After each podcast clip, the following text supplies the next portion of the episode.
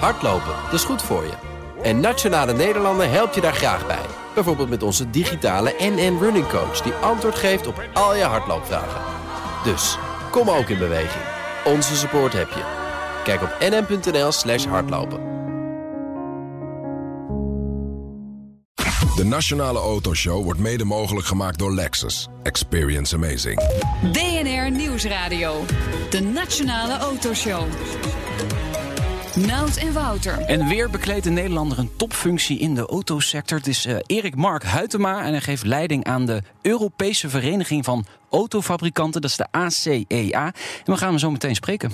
Ja, en in de road to Zandvoort hoor je straks de directeur van Squee Zandvoort. Nou, je verwacht het niet, hè, dat het dan over Zandvoort gaat. Maar over de terugkeer van de Formule 1, de verbouwing van de baan en nog veel meer. Nee, die kombocht, dat wordt denk ik het meest spectaculaire onderdeel van het circuit. 32 procent uh, stijgingsgraad, dat is ongeveer 18 graden. 4,5 meter hoog. Ja, bizar. Nee, ik, ik, ben heel benieuwd hoe dat eruit komt te zien. Ook heel benieuwd uh, wat dat doet voor de race. Hè. Uh, je weet, hè, DRS-zone wordt daar, dus ja. die DRS gaat open, dus ze moeten daar kunnen inhalen. Ja, dit, maar, ja, bizar. Hoe hard kun je daar doorheen, denk je? Geen idee. Het was altijd al vol gas. Uh, ja. Dat is dan nog meer vol gas. Nee, ge geen idee. De, de, maar hij heeft nog veel meer leuke dingen te roepen. En ja, over die kombochten gaan we nog wel een paar keer hebben, denk ik. Dat denk en we ik gaan ook. er een keer doorheen rijden. Ja, en we beginnen vandaag met het nieuws van deze week.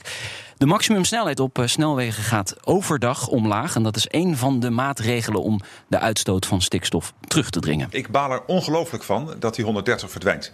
Tegelijkertijd, als door 130 te blijven rijden heel veel banen verloren zouden gaan de komende maanden. En ik zou weten dat met de kerst mensen thuis zitten die geen werk meer hebben. Omdat ik wil dat iedereen 130 blijft rijden. Dan kan ik mezelf niet meer in de spiegel aankijken. Dan kan geen VVD'er zich meer in de spiegel aankijken. Dat zei premier Rutte woensdag. Uh, ja, hij vond het een rotmaatregel, maar het moest. Wouter, kijk jij er ook zo naar? Nou, het is natuurlijk onzin dat het, dat het moet. Er gaan nog wel discussie over hoeveel dit nu daadwerkelijk oplost. Uh, daarna was het van ja, en, maar niemand rijdt eigenlijk 130. Dus denk dan, dan heeft het ook geen effect op de uitstoot natuurlijk. Nee. Nou, ik vind dit, dit is typisch zo'n maatregel die in de Randstad wordt genomen van mensen denken, ah, nee, valt er wel mee. Totdat je wel eens een keer buiten de Randstad gewoon 150 kilometer moet rijden. Of naar Groningen wilt, wat vanuit Rotterdam, vanuit mijn geval, gewoon 230 kilometer is. Je gaat gewoon echt een veel langere reistijd uh, tegemoet. Plus, ja, je lost eigenlijk een probleem op, probeert een probleem op te lossen hè, met de stikstofoxides, die vooral door boeren wordt veroorzaakt. Ja, um, bijna en voor 45 procent van ja, de stikstof. Weet je, en, en, en bedoel, ik wil hen natuurlijk ook uh, zeg maar, de ruimte gunnen. Maar het, het is ook een non-oplossing uiteindelijk. Want uh, kijk, we moeten werken aan zeg maar, daadwerkelijk duurzamer uh, energievoorziening, duurzaam boerenbedrijven, ehm, de bedrijven, nou ja, bedrijven, bedrijven, maar en, en, is en zuinige auto's misschien, die minder uitstoten. Ja, duurzame echt duurzame mobiliteit. En zeg maar, een beetje wat we nu krijgen, is dat we zeg maar, door alle belastingmaatregelen worden we door uh, onze minister-president Rutte gedwongen om in een oude diesel of oude benzine door te rijden. Want het is veel te duur om een nieuwe te kopen, even als particulier. Maar ja, dan rijden we gelukkig niet zo hard. Ja, ik weet je, ik, het, het is gewoon een non-maatregel. Ja, punt. Oké, okay. ja. we gaan naar onze eerste gast, want die gaat daarover meepraten. Peter Niesink, de directeur van de brancheorganisatie BOVAG. Fijn dat je er bent. Wat vind jij van deze maatregel? Precies hetzelfde. Het is natuurlijk heel, heel lastig uit te leggen. Dat, uh, we hebben becijferd dat uh, van 130 naar 100... dat dat 0,13 procentpunt minder stikstofdepositie geeft. Ja, op dat totaal is dat, is dat helemaal niks. Dus... Ja, ik vraag me, wij vragen ons dan af, ja, is dat wel een maatregel, zo'n zware maatregel met zo weinig impact? Kun je dan niet beter andere maatregelen verzinnen? Laat duidelijk zijn, wij snappen ook dat de bouw weer vlot getrokken moet worden. Dat, is, dat, is, evident. We willen ook niet dat er dadelijk mensen met kerst uh, uh, werkloos thuis zitten. Dus dat er wat moet gebeuren, dat, dat snappen we. Maar er zijn betere oplossingen. Ja, en daar willen we het eigenlijk vandaag over hebben. Het gaat bijvoorbeeld over die sloopregeling. Hè. Die is niet opgenomen in dit eerste pakket van maatregelen. Dat is een sloopregeling voor oude vervuilende auto's, busjes, bestelwagens. Is jou duidelijk waarom dat niet is meegenomen? Ja, wat we begrijpen is dat er moet uitgezocht worden hoe die sloopregeling precies vorm zou kunnen krijgen. En ja. wij zijn ook al wel in contact met het ministerie hoe je dat zou kunnen doen. Ehm, en dit is, geen, dit is geen gekke maatregel. Hè. Tien jaar geleden hebben we het ook in Nederland gedaan, in 2009. En toen zijn er 80.000 auto's ingeruild, versneld ingeruild. Ook Mhm. om het wagenpark toen duurzamer te maken. En het is dus een hele goede, effectieve maatregel die je kunt nemen. Nee, het is precies wat jij zegt. eh, eh, we hebben gewoon in Nederland een verouderd wagenpark. Dat komt omdat nieuwe auto's duur zijn, hoge BPM, eh, hoge belastingen. En je kunt nu iets doen door versneld eh, in het oude wagenpark eh, auto's weg te nemen. Daar nieuwere, schonere auto's voor terug te zetten. Dan doe je echt veel meer dan met zo'n snelheidsmaatregel. Ja, en daardoor, daar, dat zijn echt effectieve oplossingen.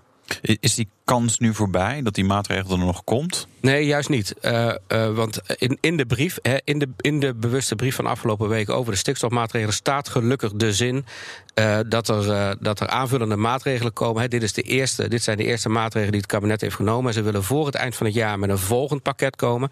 En in dat volgend pakket is benoemd om daar met een sloopregeling te komen. Zijn ze niet een beetje langzaam in Den Haag? Want ze roepen heel hard, dit is de ergste, Rutte riep, hè, zijn woorden, ergste crisis die hij ooit heeft meegemaakt. Dacht ik, nou, volgens mij zijn er ook wel wat vliegtuigdingen gebeurd en zo. Dat lijkt me toch nog erger. Maar Ja. goed, hè, eh, even, even zijn eigen woorden.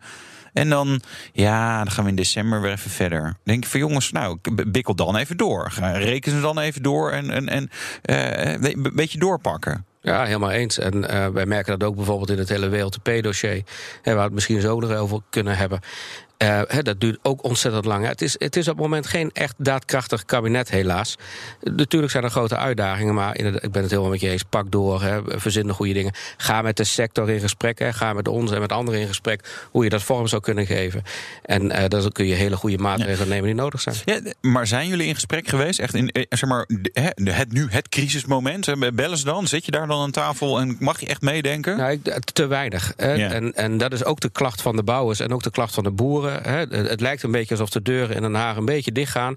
Ja. En je ziet wel zo'n overleg eh, in, het, in het katshuis waar bouwers mogen komen. Maar die komen dan toch ook wel weer teleurgesteld naar buiten. Hè, dat, Ja. ze, dat ze niks horen.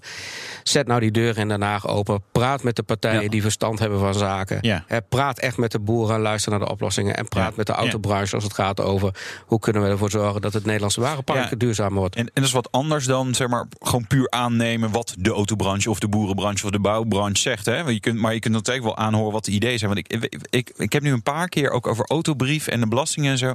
En het, het beeld dat bij mij elke keer blijft staan is van nou, iedereen mag zijn zegje doen. En dan vervolgens verdwijnen de ambtenaren met de minister of staatssecretaris. Verzinnen iets waarvan niemand denkt, oh, dat is nou echt helemaal goed wat, wat we bedoelden. Dus zelfs het compromis, het polderen, komt er gewoon niet lekker uit. Nou, misschien is het goed om. eh, Heel mooi eh, is die WLTP-BPM-discussie. Ik bedoel, we kunnen zo die sloopregeling nog wel nader toelichten. Maar wat gebeurt er nou rondom, rondom die BPM-tabel en die WLTP? Eh, de minister schrijft voor de zomer een brief dat de, de BPM-tabel aangepast gaat worden. omdat de WLTP-emissietesten ingevoerd zijn. En dan moet je op een andere manier gaan berekenen.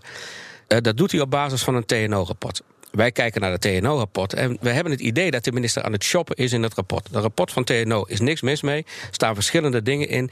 En we hebben het idee dat die staatssecretaris eh, van Financiën aan het shoppen is. Wij doen een review op dat rapport met KPMG. Eh, en we brengen netjes dat rapport naar die staatssecretaris en tonen daar aan dat, hij, eh, dat het toch net even iets anders zit. Dat hij nog eens een keer eh, 200 miljoen vanaf 1 juli volgend jaar te veel int aan BPM. Dus hij stelt die BPM-tarieven volgend jaar te hoog vast. En hebben we daarnaast gezegd, die tijdelijke overgang van NEDC naar NEDC, de NEDC 2, daarin zien we dat hij 600 miljoen tussentijds extra heeft opgehaald. We tonen dat aan met KPMG. Ja. We leggen het bij hem neer. We zeggen we willen graag met je in gesprek. We hebben contact met ambtenaren. En dan wordt het stil. En dan wordt het stil. En dan opeens krijgen we een appje, letterlijk, we krijgen een appje van de staatssecretaris. Ik heb er naar gekeken en ik blijf toch bij het oude rapport. Hij legt het dus naast zich neer. Hij legt het gewoon naast zich ja, neer. maar hij wordt nu wel door de Kamer tot verantwoording geroepen. Ja, we zijn, we zijn eh, daarop met ons rapport naar de Tweede Kamer gegaan. En echt eh, complimenten aan eh, Helma Lodders en Pieter Omtzigt. Die hebben een motie ingediend. Die is gisteren aangenomen. Waarin ze de minister vragen om opnieuw onderzoek te gaan doen, neutraal onderzoek, eh, naar die WLTP-tabel. En eh, niet alleen naar de cijfers te kijken, maar ook eens te kijken wat gebeurt er nou met tien auto's. Hè? Pak nou eens tien modellen. En wat gebeurt er nou in die overgang van NEDC 1, 2 naar eh, die WLTP? Nou, en eh, wij zijn heel blij dat de Kamer daar gehoor aan geeft. En, en de minister nu dwingt om daar opnieuw naar te kijken. En we hopen dat de Rekenkamer of een ander instituut onafhankelijk nog eens een keer beoordeelt. Wij weten zeker, hè, dat hebben we met KPMG aangetoond aangetoond dat er 600 miljoen eenmalig en dadelijk 200 miljoen structureel te veel op wordt gehaald op BPM. Het, het, het zijn wel grappig, wel twee, vaak helemaal niet. Te- Twee dossiers waarin ze precies dezelfde fundamentele fout maken. Gewoon niet de informatie en niet de kennis en de ervaring gebruiken. Maar gewoon hun eigen. Op een gegeven moment denken: nou, dit is het. En verder niet meer naar rapporten kijken. Met stikstof is natuurlijk ook. Ze gewaarschuwd, gewaarschuwd, gewaarschuwd. Jongens, dit gaat niet goed. We doen het niet goed. En, en nee, ja, eh, weggepoetst wordt het. Eh, en hier eh, hetzelfde. En dit pakt natuurlijk voor de overheid goed uit, want ze halen meer geld op. Ehm, maar weet je, de- de- het, het, het lijkt wel vrij fundamenteel dat ze gewoon niet de, de, de informatie die er is en de, ke- de kennis die er is in de markt en van allerlei partijen ze ge- gebruiken ze gewoon niet. Ja, exact. Ja, exact. Ja. Dat, is, dat is precies wat er gebeurt. En jij en ik betalen de rekening. Ja, maar terug even naar die sloopregeling. Want daar hebben we je voor uitgenodigd. Eh, ja, Ze gaan de ja. boel slopen. Ja, maar welke auto's dan? Wat is het concrete plan van de BOVAG om die sloopregeling in te voeren? Ja, wat wij hebben gezegd is, eh, het het eerste idee was kijk naar de bestelbusjes. En dat is heel goed, dat is een heel goed plan. Maar wij hebben gezegd, kijk ook naar personenauto's. Kijk naar de diesels. En bijvoorbeeld leg een, een lijn neer tussen de Euro 3 en Euro 4. Hè, de Euro 4 diesels die hebben ook een, een roetfilter en die stoten echt minder uit. Maar probeer nou zo snel mogelijk in Nederland de diesels Euro 3 en lager. Dus dat praat je over ongeveer 2008, 2009 en ouder. Eh, neem nou die diesels uit, hè, dus geef daar een premie op om die versneld te verkopen. Eh, en geef mensen die premie om een nieuwe, schonere auto terug te kopen. En om hoeveel auto's gaat het in totaal? Eh, dan praat je over ruim 300.000 auto's hè, die, Ja. die daar invallen. Dat is 8% van het wagenpark in Nederland. Ja. Ehm, en, ehm, nou ja, en, en die stoten zelfs nog meer uit dan die 8%. Want we weten van die oude diesels dat ze over het algemeen... Hè, dat zijn mensen die rijden in die diesels, die wat ouder zijn... die rijden ook gemiddeld meer. Hè, dus je praat eh, waarschijnlijk over veel meer dan 8% van de kilometers... eh, waar het hier over gaat. Ja, en, en wat voor soort premie wil je daar dan aanhangen? Is dat 1000 euro, 1200 euro? Waar, waar denk je aan? Eh, je dat, kun je ook, dat kun je ook in differentiëren. hè. Je kunt bijvoorbeeld zeggen, eh, hey, je geeft daar een paar duizend euro voor om hem uit te nemen. Maar je gaat ook kijken naar wat koopt iemand terug. Hè, en koopt iemand een hele, bijvoorbeeld koopt iemand een, een elektrische auto daarvoor terug. Dan kun je een wat hogere premie geven. Hè. En, maar koopt iemand een, een auto bijvoorbeeld uit de Euro 5 of Euro 6 klasse. Ja. Dan, nou, dan, kun je, dan kun je gaan staffelen. Dus je zou daar op een hele slimme manier mensen kunnen stimuleren. Ruil die oude in. Hè, wij snappen ook dat mensen niet het budget hebben om dan in één keer naar elektrisch toe te gaan. Hè, maar je kunt met een staffelpremie mensen toch eh, stimuleren om Ja. naar, naar duurzamere auto's te gaan. Ja, Maar- klinkt als een plan. Ja, Maar klinkt hoeveel, als een plan. Hoeveel geld is er nodig? is Ja, wat gaat het kosten? natuurlijk, Dat ja. is natuurlijk het probleem. Nou, dat, dat, dat ligt dus aan de ambitie die je met elkaar hebt. Hè? Ja. Ik bedoel, ga je, hè, d- eh, eh, wij zijn van mening, ja, je haalt 600 miljoen op dit moment te veel op aan BPM. Je hebt een flinke eh, budget eh, om, om, om dit voor elkaar te krijgen. Dus, eh, dus kabinet, eh, zeg maar hoe ambitieus je bent. Leg je, leg je eh, die maatregelen dadelijk op. Hè? Eh, voer je hem uit alleen maar voor de busjes? Of doe Ja. het ook voor de personenauto's? Waar leg je die grens? Ja, dat bedoel dan, op basis daarvan moet je kijken hoeveel budget je daarvoor beschikbaar stelt. Maar bedoel, we kunnen toch in Nederland 200, 300 miljoen daarvoor vrijmaken. als er ook 600 miljoen te veel wordt opgehaald. Ja. Dit moet onderdeel wat jullie betreft worden van het volgende pakket aan maatregelen. Ja, dat Ja. zouden wij heel graag voor het eind van het jaar zien. Eh, zodat je daar ook direct begin volgend jaar mee, eh, mee kunt beginnen. Ehm, en ik, ik wil ook wel gezegd hebben, eh Nout, Ja. want er zullen mensen nu vast al op Twitter zitten en zeggen: ja, lekker dat de BOVAG dat zegt, want dan verkopen zij weer auto's en zijn we eigen parochie aan het preken. Ja. Onze leden, garagebedrijven, verdienen meer aan reparatie en onderhoud op de oude auto's dan op de verkoop van de nieuwe auto's. Oké. We zitten hier niet voor eigen parochie te praten. Hè, want als we voor eigen parochie hadden gesproken, dan hadden we niks gezegd. En dan Ja, blijven we die oude auto's. Importeer die oude diesels nou gewoon uit Duitsland. Ze zijn allemaal lage kilometers dan eh, schadevrije auto's. Haal ze hierheen. Ja, precies. Nee, Helaas dit is, moeten dit we nee, afronden. dit is dus Ja. echt een idee om, om versneld oude auto's kwijt te raken en te verduurzamen. We gaan zien of het eh, kabinet overstag gaat de komende maand. Wij doen ons best. Ja, dat is goed om te horen. Dank Peter Niesink, hij is directeur van de BOVAG. Zometeen de Nederlandse baas van de Europese Vereniging van Autofabrikanten. Dat is de ACEA. Ja, hij zit aan de tafel met CEO's van grote automerken. En ik las net het persbericht van Audi. Dat is niet meer Bram Schot, want die is vervangen. Oh, Dus kijk aan. per 1 april wordt hij vervangen, 2020. Tot zo. BNR Nieuwsradio. BNR, de Nationale Autoshow. Nieuws dat dus net binnenkwam is dat eh, Bram Schot, de CEO van Audi, in eh, april afzwaait. Dat, Ja. dat is eigenlijk niet helemaal onverwacht. Hè? Dat was eigenlijk al uitgelekt. Ja, het gerucht ging al een tijdje. Ehm, eh, en ook dat de opvolger, heet die, Marcus Doesman. Marcus Doesman, ja, die komt van BMW. Want van BMW had nog even een concurrentiebeding, mocht nog even niet in de autobranche actief zijn. Dus die zat al een tijdje op de reservebank. Die gaat hem opvolgen. Wat ik niet zo sterk vind aan dit verhaal is dat het. Kijk, Dieselgate komt vanuit, zeg maar, ook een beetje het old boys network van, van Duitse automannen. Ja. Eh, wat ze nu doen is een Duitse automan uit het old boys network. Die maken ze baas van Audi.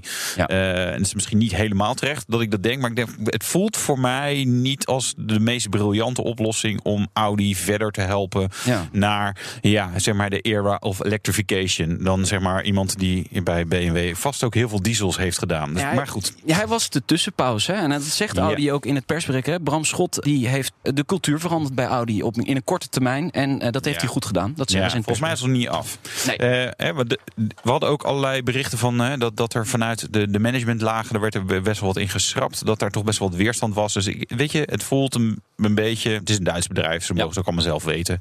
Een, een Duitse koep, zeg maar, om die vervelende Nederlander weer naar buiten te werken. Goed, Maar Hij, hij hoeft in ieder geval niet meer naar de vergaderingen van de ACEA. Dat is de Europese Vereniging van Autofabrikanten in Brussel. En de directeur-generaal daar, dat is een Nederlander, is Erik Mark Huytema. En die is vandaag bij ons te gast. Ja, en eh, dankjewel. En hij kwam ook niet naar onze vergaderingen, want zijn baas kwam naar onze Oh, vergaderingen. hij stuurde de Dokter Volkswagen groep. Dies, Ja. de Volkswagen groep. Ja. Maar goed, eh, leuk dat je er bent. Want eh, ik sprak jou gisteren heel even kort en toen zei je... ik- voel me eigenlijk als een kind in een snoepwinkel. Ja, dit is natuurlijk fantastisch. Hè? Ik zat bij, bij IBM en dat deed ik de afgelopen tien jaar. En ik ben hier verschillende keren te gast geweest. Deed ik daar wat wij noemden smarter transportation. En dan zit je toch een beetje aan de zijlijn. Je bent heel mooi bezig met artificial intelligence, met Ja. Data. En je brengt dat in de auto's. En nu zit je echt middenin. En dat was ook natuurlijk wel een uitdaging. Want ik weet natuurlijk dat de autosector toch wel onder vuur ligt. En dan zit je eigenlijk best wel relaxed bij een IT-bedrijf. Maar ik heb zelf de ambitie om er gewoon eh, me er zelf mee te gaan bemoeien. En te zorgen dat we naar de toekomst, de komende twee jaar, is echt cruciaal voor de automobielindustrie. Dat je in de komende twee jaar de visie van de komende 10 tot 20 jaar gaat neerleggen. Waarom, Waar- is die, waarom is de komende twee jaar cruciaal? Nou, Want eigenlijk. dat, om- eigenlijk horen we dat altijd. Ja, maar de komende, komende tijd. Nu wordt het echt spannend. Nu, ja, nu gaat het gebeuren. Ja. ja, nu gaat het. Nee, maar, nu gaat het echt gebeuren. Dus. Nou, kijk, als je kijkt naar de ontwikkelingen rondom ehm, vooral natuurlijk elektrische auto's is eigenlijk al duidelijk. Hè? Als ik met de CEO's en die had ik 11 september bij elkaar op een boardmeeting. Al die CEO's die zeggen gewoon: we gaan naar elektrisch. Dat is een grote stap, maar de volgstap is de vervolgstap is natuurlijk naar autonoom rijden. En die stappen naar de nieuwe vorm van rijden zijn wel de stappen die de toekomst gaan veranderen van de auto. Waarbij iedereen, eh, ook mijn, eh, mijn, mijn moeder, die, de, die ze haar rijbewijs heeft verloren.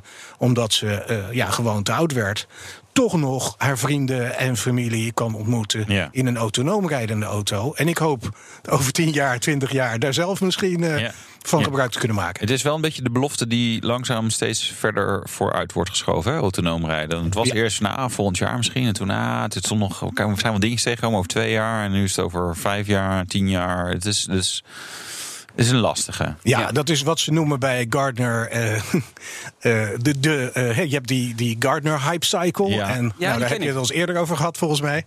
Ehm, ja, en dan zit je op een gegeven moment op een niveau. De hype is er vanaf. Ja. En dan moet je het echt gaan doen. En dan valt het een beetje tegen. Maar dat het komt, is natuurlijk eigenlijk wel duidelijk. hè. Ja. Ik was twee weken geleden in Tokio. Sprak ik met de mensen daar. Eh, de automobielbedrijven daar, de importers en ook de lokale bedrijven.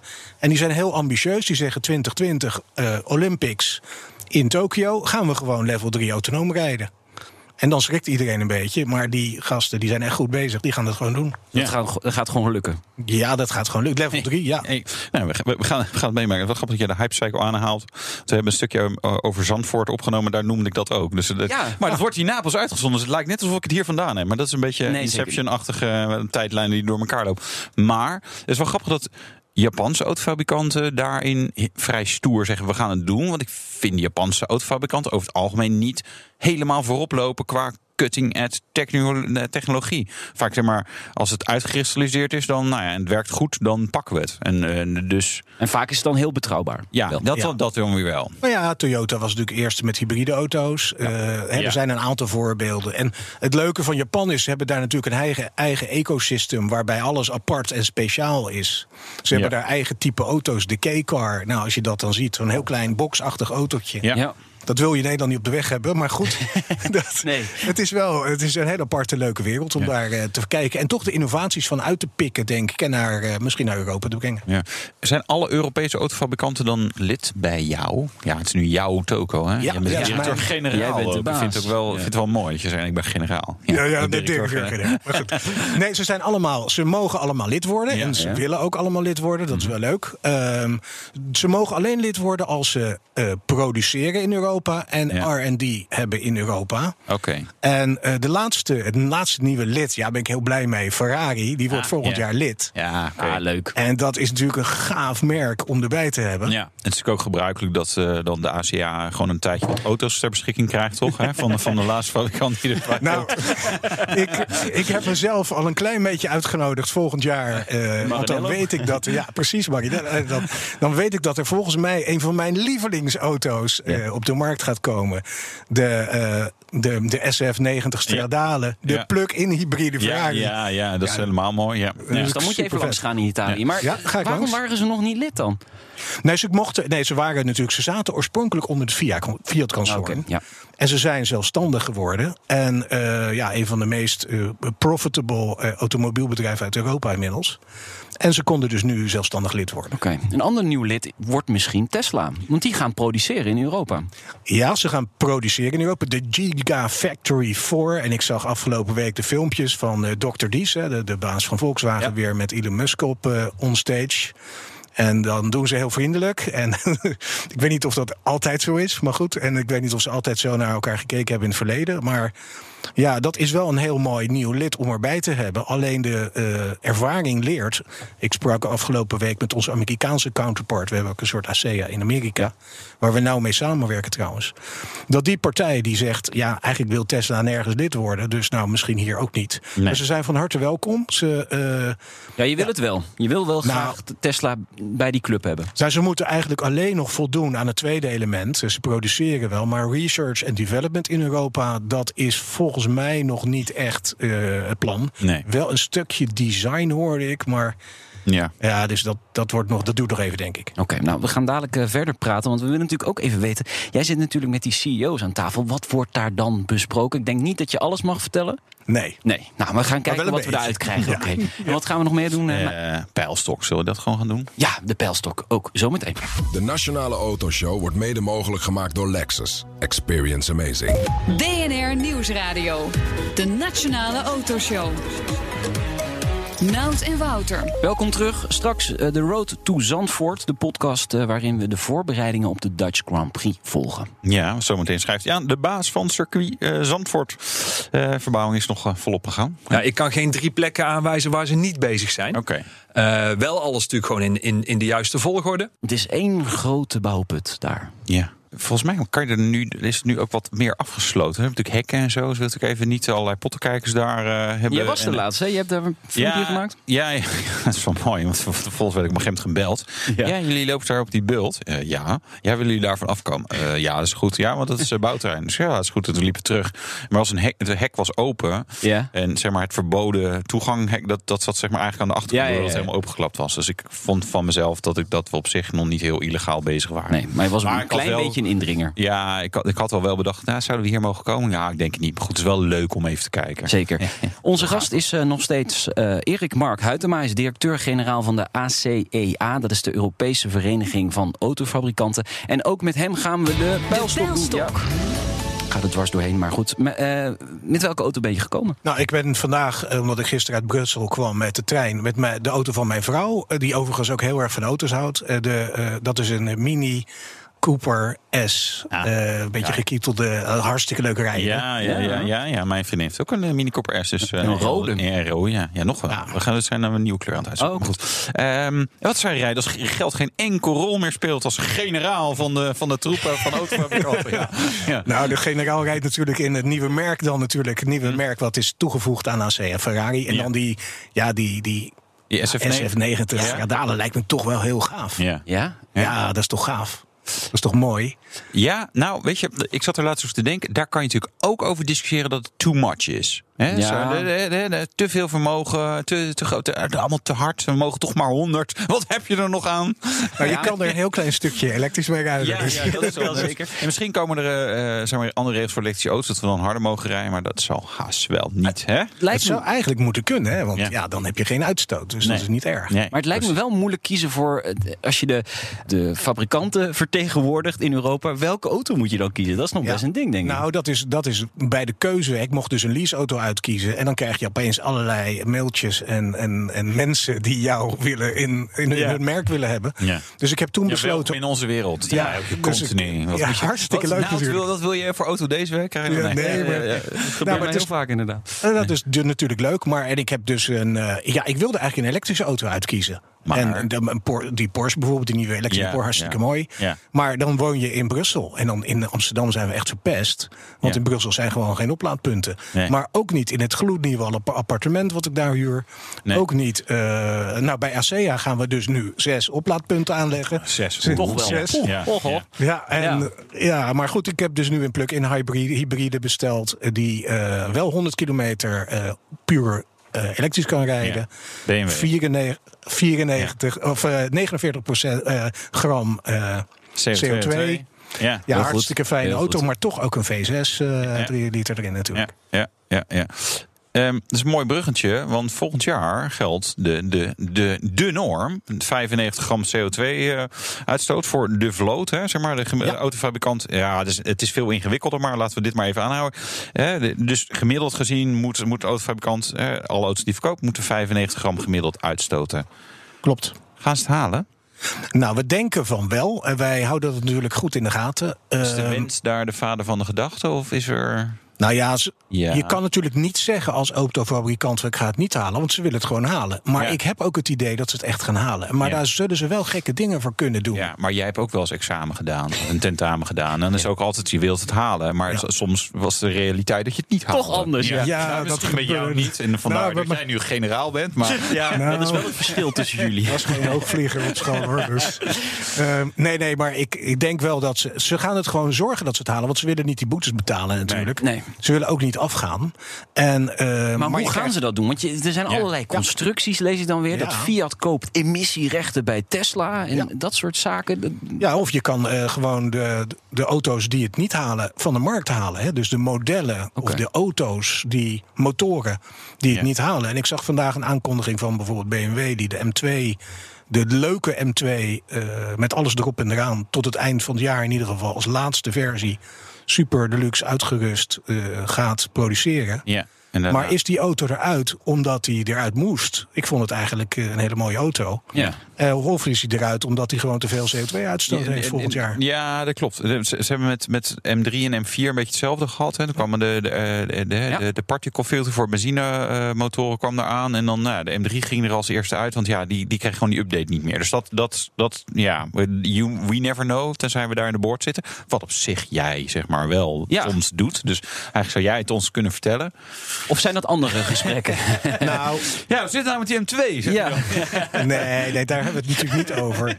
En het mag ook niet. Hè. Je mag natuurlijk niet. eh, bijvoorbeeld, er mogen geen prijsafspraken gemaakt worden tussen de verschillende. hè, want dat is eh, compliance. Dat kan absoluut niet. Beginnen elke vergadering van jongens, dat gaan we niet doen. Maar we gaan wel praten over van joh, wat is nou het effect van CO2 eh, op de branche? Wat is het effect van het aantal laadpalen wat er gewoon nog niet is? Ja. Eh, ik gaf net aan, ik woon in Brussel. Daar hebben ze dit jaar 17 laadpalen gebouwd. Zo is En, Jee, waar? Ja, en daar willen ze er dus 8.500 neerzetten. Nou, ik Ja. geloof in Amsterdam staan er nu al 10.000. Ja. Dus daar doen ze dan 500 jaar over als ze die ze 8.500 willen halen in Brussel. Is dat ook op dit moment het probleem? Het gaat niet snel genoeg voor die elektrische auto, die infrastructuur. Ja? Nee, dat is echt een probleem. En wij hebben een, eh, en ik, heb, ik zal ook jullie een exemplaar geven. We kunnen ook een link naar de website zetten. Ehm, we hebben jaarlijks, maar ook nu al kwart, per kwartaal houden we bij hoeveel laadpalen er waar staan in welk land. Eh, hoe dat staat. Of dat on track is of niet. Of er incentives zijn voor elektrische auto's. Want we moeten het echt met die elektrische auto's gaan bereiken. Want zonder die elektrische auto's gaan we het niet redden, natuurlijk. Die, die, niet alleen die 95% eh, gram, maar ook die 37,5% besparing die we nu moeten eh, vanaf 2015 moeten realiseren. Ja. En in Europa zijn ze gewoon bezig aan het roepen van jongens, we gaan nog harder, we willen verder. Meneer Timmermans eh, met de Green Deal wil nog veel meer. En eh, daar Maar daar zijn ga we- jij voor liggen?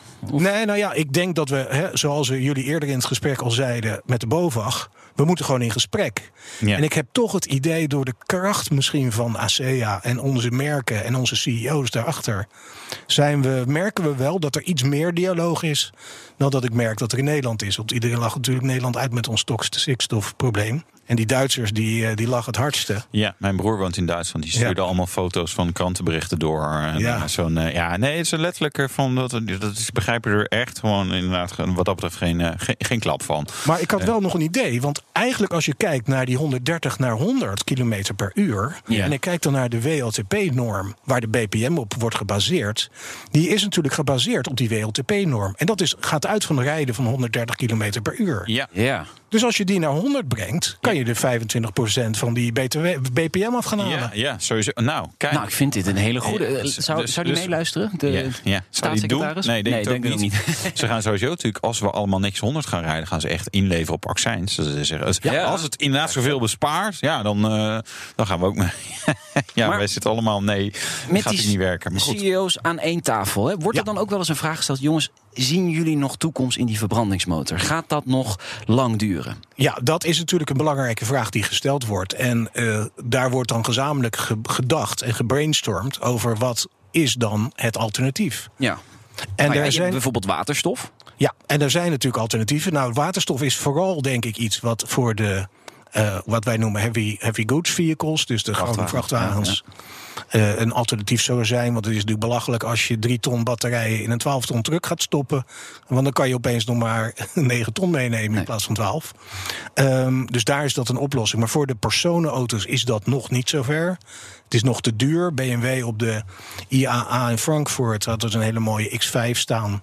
Nou, ik zeg, joh, die, die wilde ik eigenlijk hebben. Zij heb ik gezegd. Doe maar aan. Ja. Doe mij die maar. Maar ze zei, ja, sorry, die is nog niet te betalen. Dus dat is nog even. eh, maar dat, daar wordt hard aan gewerkt. Dus elektrisch, zeggen die CEO's. De komende 5 tot 10, 15 jaar. Ja, daar wordt volop ingezet. Het ene merk meer dan het andere. Volkswagen eh, natuurlijk vol. Ehm, er zijn ook een aantal slimme eh, alternatieven. BMW en, en PSA die zetten in op een mixed productielijn. Waarbij ze het aantal elektrische auto's, hybride auto's en internal combustion engine auto's gewoon per dag en per vraag kunnen, eh, kunnen wisselen. En dat platform is zo gebouwd, wat ik heel mooi vind, heel slim vind, echt visionair. Dat dat allemaal kan. Hè. Dus je kan de ene component en de andere component gewoon uitwisselen. Dus als er meer vraag is naar elektrisch, doen ze meer elektrisch en andersom. Ja, ja het is- dat weten we over een paar jaar, wat daar een goede, goede gok was. En Volkswagen is ook zo begonnen met, met van, hè, de Golf, dat de MQB-platform kon ook alles in. Maar ze hebben nu wel een volledig elektrisch platform, waarbij ze weer die schaalvoordelen willen halen en flexibeler kunnen zijn, nou, noem maar, maar op. Dus het is op Ja. zijn minst interessant, zeg maar, wat wordt de winnende strategie? Ja, en ze delen het ook met bijvoorbeeld andere fabrikanten, Ja. Ford, et cetera. Ja. Is dat ook de bedoeling van uiteindelijk de ACA... dat de CEO's met elkaar om tafel gaan zitten en samen gaan werken? Of, of niet? Nou, de bedoeling is standaardisatie en gezamenlijke missie richting Europa en de Europese politiek natuurlijk. Waarbij je probeert eh, zo, zo slim mogelijk voor de consumenten een, een uitwisselbare auto te creëren. Bijvoorbeeld uitwisselbaar voor eh, de kabels om op te laden. Ja. Uitwisselbaar voor het betalen in het buitenland of Nederland met je elektrische pasje. Zo is ASEA ooit begonnen met uitwisselbare olie. hè. Elk pak olie bij de, super, bij de, super, de supermarkt, de benzinepomp. Ja. Ja. Eh, kan je zien, gewoon, daar staat achterop ASEA type 1, 2, 3 of Ja. weet ik veel. Zo is het ooit begonnen, want elk merk had zijn eigen olie en dat hoeft nu niet meer. Nee. Dus dat was eh, een mooie verbetering. Wel mooi dat we aan het eind van het gesprek eigenlijk pas achterkomen waarom de ASEA er is. Maar goed. Vanwege de olie. Ja, Mooi bruggetje precies. naar de Formule 1, waar in de olie ook weer lekkere discussie is. Maar daarover gaan we het volgens Zo. mij niet hebben. Nee, nee, en we gaan het vooral hebben over die verbouwing, et cetera. Maar ik ga eerst even eh, jou danken. Erik Mark Huytema, directeur-generaal van de ACEA. Dat is de Europese Vereniging van Autofabrikanten. Dankjewel. Ja. Zometeen de Road to Zandvoort inderdaad, met als gast de directeur van Circuit Zandvoort. Ja, niet over olie, maar wel over de terugkeer van de Formule 1. De verbouwing natuurlijk en eh, ja, veel meer. Eh, Moet blijven En luisteren. vooral die kombocht. Ja, die kombocht Ja, gaan we het over hebben. BNR Nieuwsradio. BNR, de Nationale Autoshow. Het is tijd voor The Road to Zandvoort. Nog 170 dagen en dan racen de Formule 1-auto's op circuit Zandvoort. De Road to Zandvoort volgt de terugkeer en alle voorbereidingen op de Dutch Grand Prix. En vandaag is de gast. Robert van Overdijk, directeur van het circuit Zandvoort. En hij zit ook in de directie van de Dutch Grand Prix organisatie. Dat zijn natuurlijk wel twee verschillende dingen inderdaad. Dan gaan we gelijk vragen, waarom is dat? Ja, dat, nou, dat zijn inderdaad twee verschillende dingen. Dus ik doe af en toe een petje op, eh, petje af. Ehm, uiteindelijk hebben we natuurlijk wel gewoon een gezamenlijk belang. Ehm, eh, heel simpel, zonder, eh, zonder circuit geen Dutch Grand Prix. Eh, en we hebben natuurlijk onze andere partners, Sport Vibes en TIG, ook gewoon keihard nodig om, eh, Ja. om samen een hartstikke mooi evenement te organiseren. Maar zonder eh, de Dutch Grand Prix was het circuit er nog steeds geweest. Dus, dus het is niet helemaal... eh, Nou, en toch zitten we er gelukkig, zeg ik bijna, Ja. zitten we er gewoon keurig evenredig in. Ja. Dus iedereen is daar even belangrijk in. Iedereen heeft daar zijn rol in. En eh, nou ja, in dit geval is 1 plus 1 eh, plus 1 niet 3, maar misschien wel 5. En dat is ook gewoon keihard nodig om zo'n evenement te organiseren. Ja, ja vijf in, in, in zin van, van, van power om dingen voor Nou, elkaar te krijgen? absoluut, Ja? absoluut. Ja? Ja, kijk, uit, je merkt in alles, eh, of dat het nu media-aandacht is, of eh, eh, nou ja, de, de focus die er ook vanuit Nederland is, sociaal-cultureel belang, dat dit gewoon een on-Nederlands groot evenement is. En Ja. daar heb je gewoon alle ervaring voor nodig om daar een hartstikke mooi evenement van te maken. Ja, je zegt on-Nederlands. En ik, ja, go- goed haakje die ik dan daarbij denk is... We hebben natuurlijk wel voetbal, EK en zo en dat soort dingen al wel gehad. Hè? En, maar een, autosport is niet per se een heel Nederlands eh, eh, sport. Feestje. Hè? Feestje. Ja, nu met Max wel, maar voorheen. Als je kijkt in Engeland en in Duitsland en Frankrijk heb je veel Ja, meer ja. kleiner circuits, trackdays. En, en, en Ne- Nederland is niet per se een autosportland. Nou ja, eh, even om terug te komen, EK, WK voetbal. Ik weet niet wanneer die, dat jij het nog kunt herinneren wanneer die voor het Nou, laatst in Nederland is geweest. Het maar, EK was in 2000. Ja, in zeker. Ja, in Ja. België. Nou, en dat was een schitterend evenement. Hè? Ook, ook een oranje gekte. Ja. Ehm, maar dat was alweer in 2000. Ehm, en ik denk dat als je kijkt naar... eh, ja, ja, precies. dat hè, is- dat, is volgend jaar. Dus, eh, dat is 20 jaar geleden. Volgend jaar.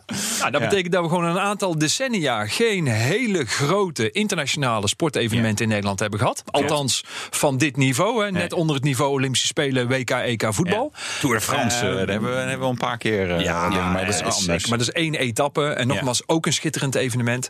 Ehm, maar een evenement van deze orde van grootte. ehm, nou, ik denk dat als wij het nu niet voor elkaar hadden gekregen, dan had het zomaar weer eens nog heel veel jaren kunnen duren. Ja. Voordat zo'n groot internationaal sportevenement naar Nederland zou Precies, zijn. en nu gaat het ook gebeuren, hè? want dat is wel 100% zeker, toch? Het gaat 100% door. Nou ja, eh, eh, leuk dat je dat vraagt. Hè?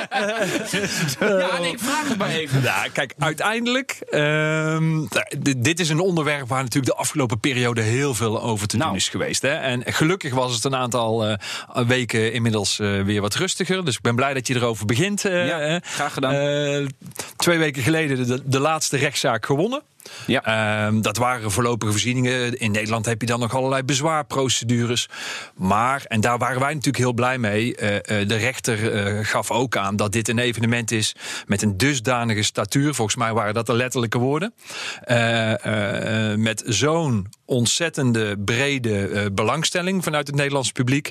Dat zij dit ook wel een, een evenement vond van groot sociaal-cultureel belang. Hè? Ja. En dat wil, niet mee, eh, dat wil niet zeggen dat je daarmee alles zomaar heel even glad strijkt. Dus met de overheden, eh, met de provincie hebben we dat gehad. Nu met de gemeente Zandvoort moeten we heel veel zaken gewoon nog steeds zorgvuldig behandelen. Maar we zijn wel gewoon vol vertrouwen dat we dat gewoon keurig met elkaar tot een goed einde weten te brengen. Ja, en neemt, bedoel je dan eigenlijk dat de weerstand een klein beetje afneemt sindsdien? Bedoel je dat? Nou, ehm, ja. Hè? Ik denk, eh, ja, nou, eigenlijk wel. Je ziet die tendens een beetje, beetje veranderen. Ehm, eh, zeg maar, je hebt een, wat mij betreft een periode tot aan de persconferentie toen we het bekend maakten. Toen was de, vooral de negatieve insteek van, joh, maar dat kan allemaal niet in Nederland. Ah, toen kregen we een euforische periode eh, rondom de persconferentie. Van, ja, hoe gaaf is dit? Dat Precies. we dit gewoon voor elkaar hebben gekregen met z'n allen in Jan, Nederland. het, Jan, Jan Lammers op het podium. Jantje, Ja. La- Jantje Lammers, hè, kind van Zandvoort, op het podium Ja. gezet. En daarna kwamen we weer in een relatief negatieve fase. Eh, eh, en nogmaals, iedereen mag daar zijn mening eh, over hebben. En we merken dat nu, nu die twee zaken geweest zijn. Dat men het idee heeft van, joh, eh, dat gaat gewoon eh, dat gaat goed komen. Ondanks wat er allemaal nog moet gebeuren. En eh, de positieve boventoon, wat het voor Nederland doet. los van economische spin-off. Maar de hele fanbase die, van Max die blij is. Geweldig festival gaan we. Dus, dus het positieve gaat nu echt weer de boventoon. Het, het lijkt bijna, ik weet niet of jullie hem kennen, maar je hebt van Gartner de, de hype cycle voor nieuwe technologieën. Nou ja, de aantal luisteraars zullen misschien hopelijk wel, wel kennen. ja, da- da- daar heb je inderdaad ook echt zo'n piek van, van, van enorme inflatie van verwachtingen. En dan Ja. kom je in een diep dal van Ja. teleurstelling. Dat toch niet alles helemaal Nee. super verloopt. Of, of verder zijn ook eh, negatieve kanten. Het, het lijkt hier, dat lijkt hier wel een beetje op. Omdat je, en daarna ga je weer klimmen naar, naar, naar gewoon een reëler eh, eh, beeld. Je hebt hem ook echt opgezocht. Ja, ja, nee, ik, ik dacht even, ja, vooral Piek omdat ik van dacht- Gardner. Ja, ja, ja de, de, de hype cycle van Gardner is een heel bekend ding. Maar goed, ja, het, het, het klinkt heel herkenbaar. Ja. Ehm, en het heeft natuurlijk ook te maken met het feit dat na die zaken zijn we begonnen met de verbouwing. Ja, Hè, dus, dus, dus, Ja, eh, eh, Daar willen wij namelijk ook eh, over hebben. Begrijp ik, begrijp Ja. ik. En daarmee wordt het ook tastbaar. Wordt het ook tastbaar voor, eh, voor, eh, voor mensen die er rondlopen, maar ook media die vanaf de boulevard eh, leuke eh, fotootjes eh, komen maken. En daarmee zie je ook echt zaken ontstaan. En, en daarmee wordt het echt. En krijgt iedereen het idee van, joh, inderdaad, hoeveel wat nog 170 dagen? Ja. ik probeer niet te tellen. Eh, eh, eh, want het gaat, verstandig. het gaat wel heel hard. Ja. Ehm, maar ja, we hebben nog 170 dagen, zeg ik dan, eh, voordat we een, een geweldig spektakel je, daar gaan je kunt in 170 dagen natuurlijk echt Ja, ontstellend absoluut. veel doen. Absoluut. Eh, maar de verbouwing is nu in volle gang. Nou, in volle gang, eh, eh, ja, ik mag wel nee, zeggen, in eh, volle ja. gang. Ja, als Ja. je nu over het circuit rijdt, dan zijn ze. Ja, ik kan geen drie plekken aanwijzen waar ze niet bezig zijn. Oké. Eh, wel alles natuurlijk gewoon in, in, in de juiste volgorde. Ja. Eh, eh, dus we, we, we hebben eh, onze vergunningen binnen. En op het moment dat we ze binnen hebben, gaan we met die werkzaamheden aan de slag. Ja.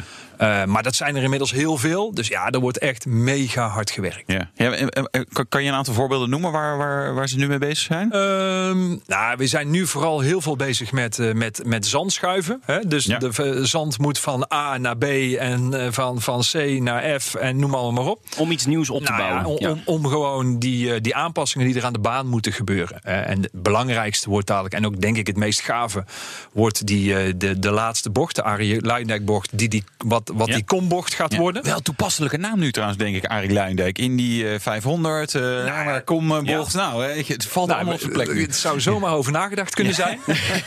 nee, zoals jij hem nu vertelt, had ik hem nog niet bedacht. Maar ik vind hem wel een hele mooie. Nee, die kombocht, dat wordt denk ik het meest spectaculaire onderdeel van het circuit. Ja. Eh, eh, eh, 32 procent eh, stijgingsgraad. Dat is ongeveer 18 graden. Om een Ja. voorbeeld te geven, onze steilste berg in, eh, in Limburg, de Op het steilste stuk, is ergens 20, 22 procent. Ja. hè. Dus Ja. deze bocht ben ik wel eens 32 opgefietst. procent. Ja, die Ja. deed zeer, denk ik. Die deed heel Ja, ja, dat, de begrijp ik. Ja, dan kun je nagaan 32 procent. En als je zeg maar onder in de bocht staat en je kijkt naar boven, naar, het- naar de top van die bocht, zit daar gewoon 4,5 meter hoogteverschillen. Dus, 4,5, oh, dat is wel veel, ja. dus dit wordt Ja. echt een gigantisch gave Ja. bocht, waar ze gewoon eh, eh, volle snelheid, eh, open DRS-vleugel doorheen kunnen. Ehm, en die, is, die komt veel minder prominent naar me voor. Maar ook de derde bocht, hè, wij inmiddels zeggen we T3, maar Ja. voor de kenners de Hugenholzbocht. Ja. Ook die gaat een kombocht krijgen. Die wordt parabolisch gemaakt. Hè. Die, die varieert van 8 tot 18 graden. En ook dat zorgt ervoor dat daar twee auto's met dezelfde snelheid Ja. Eh, gewoon eh, naast elkaar door die Er bocht zit kunnen. toch al een beetje komwerking Zeker, in. zeker. ja. Maar die wordt Ja. nog steiler. Ja, oké. Want daar kan je eigenlijk al twee verschillende lijnen rijden. Ja, is Ja, een heel verdedigende plek op het circuit... waar ik dan meestal anders rijd dan andere mensen. merk ik. precies. Ja, ja, ja, ja. Eh, oké. Oh, dus die, die krijgt ook die kombocht. Maar 4,5 meter, dat is, dat is echt heel fors. Dat is dat is echt bizar. serieus. Ja. Ja. Ik denk dat je er eh, eh, eh, dat je lopend niet heel eventjes die bocht eh, Nee, ik ben in, in Spanje, moet ik even de naam ben ik even kwijt. Ben ik op een oud circuit. Dat is ook is geen Formule 1 gereden, maar het was voor de eh, Tweede Wereldoorlog. Eh, maar die, die kombochten klopte uiteindelijk niet. Dus Nee. daar vlogen er ook wat mensen en zo uit. Maar ik ben daar ook wel eens opgelopen. Dat is inderdaad, het begint dan redelijk oké. En op een gegeven moment denk je, ja, nu, ik, ik kan gewoon niet meer staan. Ik kom gewoon niet meer omhoog. En je valt zeg maar een soort achterover, omdat er natuurlijk eh, Ja. ook, ook een soort, soort, soort, soort komming in kan zitten. Ja, maar het Dus- het unieke is natuurlijk dat je inderdaad typisch in die Arie Luijendijk bocht is. Maar dat je eigenlijk een hele Amerikaanse bocht eh, eh, aan het bouwen bent in je eh, eh, Europese circuit. Ja. Ja. Ah, dus binnen die hele Formule 1 kalender is er niet een dergelijke bocht. Ja. Nee, dus dat, het, het circuit is al uniek. eh, vanwege de ligging hè, in de duinen, aan zee, hoogteverschil, blinde bochten. En daar komt nog zo'n unieke bocht bij. Dus ja, daar kunnen wij denk ik wel het meeste naar uitkijken. Ja, denk je niet ook dat sommige mensen zullen zeggen... ja, je haalt de charme weg van, van Zandvoort, van het circuit? Nou ja, weet je, uiteindelijk eh, dan, dan zou je vervallen eh, in, eh, in, in de gedachtegang. Vroeger was alles beter. Ja. Eh, eh, Dat is niet altijd zo. Nee, nee, het is niet altijd zo. Eh, en natuurlijk heeft, eh, heeft het circuit internationaal nog een enorme naam. Hè. Als je denk ik aan de huidige rijders vraagt, die hebben bijna allemaal in hun jonge jaren op, op Zandvoort gereden. En ik denk als je, ehm, als je ze vraagt van joh, noem eens je, je top 5 circuits in de wereld. Hè, eh, eh, van mensen die ook in hun, in hun jeugd eh, Formule 3 eh, eh, Zandvoort hebben gereden. Ah, dan denk ik dat heel veel toppers van nu gewoon Zandvoort noemen. Dank voor nu, Robert van Overdijk, directeur van Circuit Zandvoort en directielid van de Dutch Grand Prix organisatie. De luisteraars kunnen dit natuurlijk nog doorluisteren. Ja, ja, dit gesprek gaat gewoon door in de podcast The Road to Zandvoort. Eh Zandvoort, Zandvoort. Dit vind je terug in de BNR-app, iTunes, Spotify, bnr.nl. Ja. Nout Broekhoff, het was een genoeg om met, eh, met jou te presenteren. Absoluut, leuk dat jij er ook was. Wouter Karsen, Ja, we doen altijd een beetje zelfpromotie ook nog. Dit was de Nationale Autoshow. tot volgende week. De Nationale Autoshow wordt mede mogelijk gemaakt door Lexus. Experience amazing. Business Booster. Hey ondernemer, KPN heeft nu Business Boosters. Deals die jouw bedrijf echt vooruit helpen. Zoals nu, zakelijk tv en internet, inclusief narrowcasting... de eerste 9 maanden voor maar 30 euro per maand. Beleef het EK samen met je klanten in de hoogste kwaliteit. Kijk op kpn.com slash businessbooster. Business Booster.